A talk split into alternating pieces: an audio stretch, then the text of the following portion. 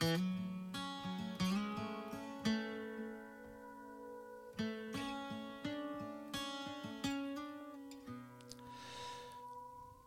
til fortsettelsen.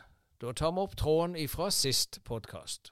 I dag så eh, er vi jo kommet lenger òg på, på, det rituelle. Vi skal ikke gå inn på det nå, men, men det har jo skjedd noe da ifra vi gikk ifra å kun jobbe i St. Olavs kapittel med, med symbolgradene. Og så For noen år siden så kom det da en liten beskjed om at nå var vi klar for neste steg. og Da begynte vi å nærme oss eh, ja, komme inn i det som er, i dag er disse skal vi si, høygradssystemet. da. Hvordan, eh, Du har selv valgt å gå et stykke der eh, så langt. Jeg, jeg, jeg tror jeg sa Jeg tror du og meg står i samme grad, faktisk. Og jeg, jeg, sa nettopp det at jeg vet ikke om jeg har ambisjoner om å nå 30 grader. jeg tror ikke Nei, det men, men, men, det har vært ganske Nei, men det har vært ganske spennende reise, det òg. Altså, Losjen utvikler seg, eller ordenen utvikler seg slik, og, og, og det skjer noe nytt der. Jeg var fra starten av ikke enig i at vi skulle det. Disse prognosene og det som ble lagt fram, det, det, var urealistisk. Og det har jo vist seg også i ettertid at mm. det med at vi skulle havne opp i en 15 000-20 000 medlemmer Men nei, jeg, jeg var i grunn ikke for høygradene.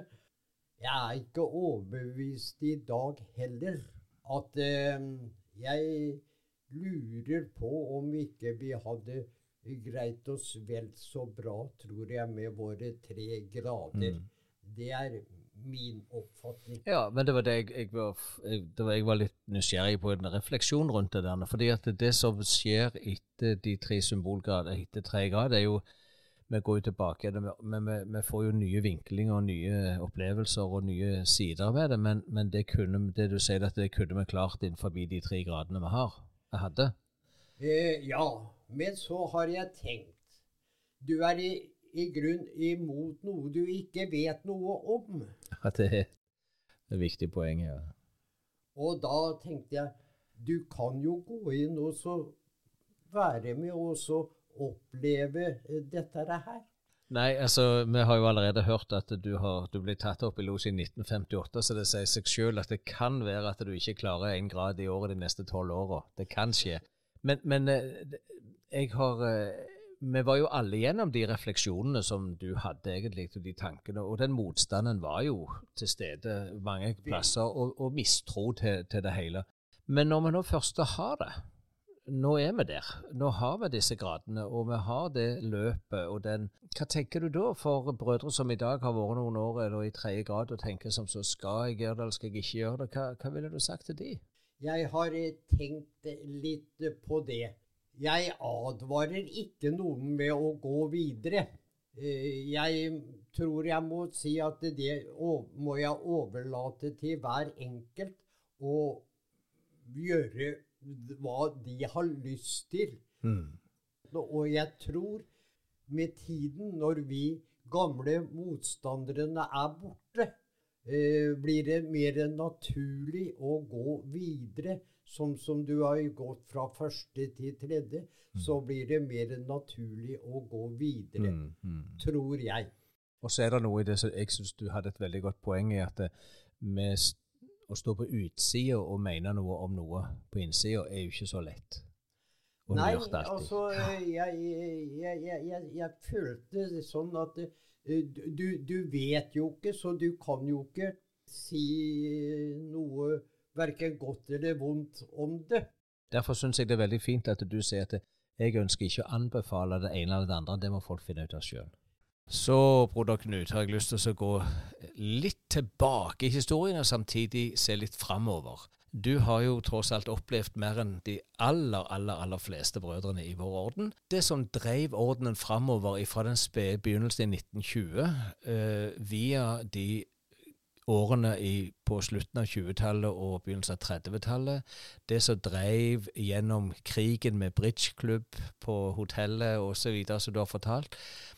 Og det som eh, dreiv etter det igjen, som fikk sørgte for den veksten i ordenen. Hvis vi tenker framover nå altså Nå står vi tross alt i 2022, og vi har eh, ennå mange, mange år foran oss som orden. Hvor skal vi hente den drivkraften? Hva tror vi det er som kommer til å gjøre at folk har lyst til å være med i ordenen vår framover? Du, altså, den tanken Eller det har jeg tenkt på mye. Eh, hvordan skal vi få, få tilbake, vil jeg heller si, den ånden som disse gamle ø, hadde. Nå er vi i en helt annen tid. ø, med helt andre tingen å gjøre. Folk reiser mye. De har mer fritid. Men allikevel så har, har vi dårligere tid. Ja. Jeg, jeg har ikke funnet noen god løsning på, på det.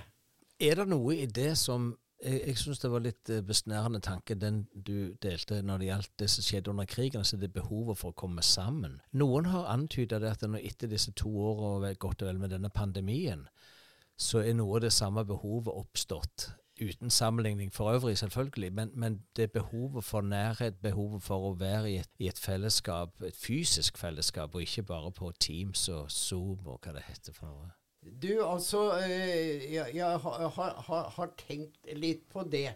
Den pandemien, den har ødelagt eller stagnert ikke bare foreningsarbeidet, men hele samfunnet vårt har blitt preget av denne pandemien. Og det rare er at det, det, det oppsto uh, ikke det samholdet uh, mellom uh, menneskene eller som, som det gjorde under, når det var krig, f.eks. Mm. Det var jo helt spesielt eh, hvordan folk delte tingen med hverandre. Eh, og både med mat og klær og alltingen sånt noe. Altså, tidene har for, Vi har forandret oss helt. Så jeg har ikke greit å finne noe god løsning på det. Mm. Folk eh, i dag så har de så mange tilbud å velge mellom på fritiden sin. De som har barn, og de som har barnebarn, de er opptatt mer av barna. Eh, altså, de må hjelpe barna, for å si det på en måte, til å komme seg ut på aktiviteter som vi eh, i min alder vi måtte komme oss av gårde selv. Mm, mm. Jeg ser den. Jeg har, en, jeg har, en, venn av meg som eh, han er 87 år nå, og han, eh, han var opptatt ei helg eh, fordi at han skulle male huset til barnebarnet sitt, fordi at han, barnebarnet torde ikke gå opp i stigen. Nei, nei. Men jeg ser den. her. Men hvis jeg konkretiserer det litt Når Jeg tenkte å ha vært medlem i, i, og vært en broder her i 65 år. Og det er jo ikke helt uten grunn. Det, det har jo gitt deg noe. Ja. Og så tenker jeg, hvis det er en kandidat eller en eh, potensiell nå som lurer på skal jeg gå inn eller ei, og så sitter jeg der og ønsker å rekruttere han, et lite tips som Er det noe jeg kan si som gjør at han sier vet du hva, ja, men det hørtes bra ut, det kunne jeg tenke meg å være med på? Jeg har uh, hatt uh, mye glede av losjen og losjearbeidet. Hvorfor jeg har holdt på med den historien og det som jeg har gjort og lagt mye av, det er um, mye for at uh, jeg har hatt perioder i livet som ikke har vært så veldig lett uh, i grunn.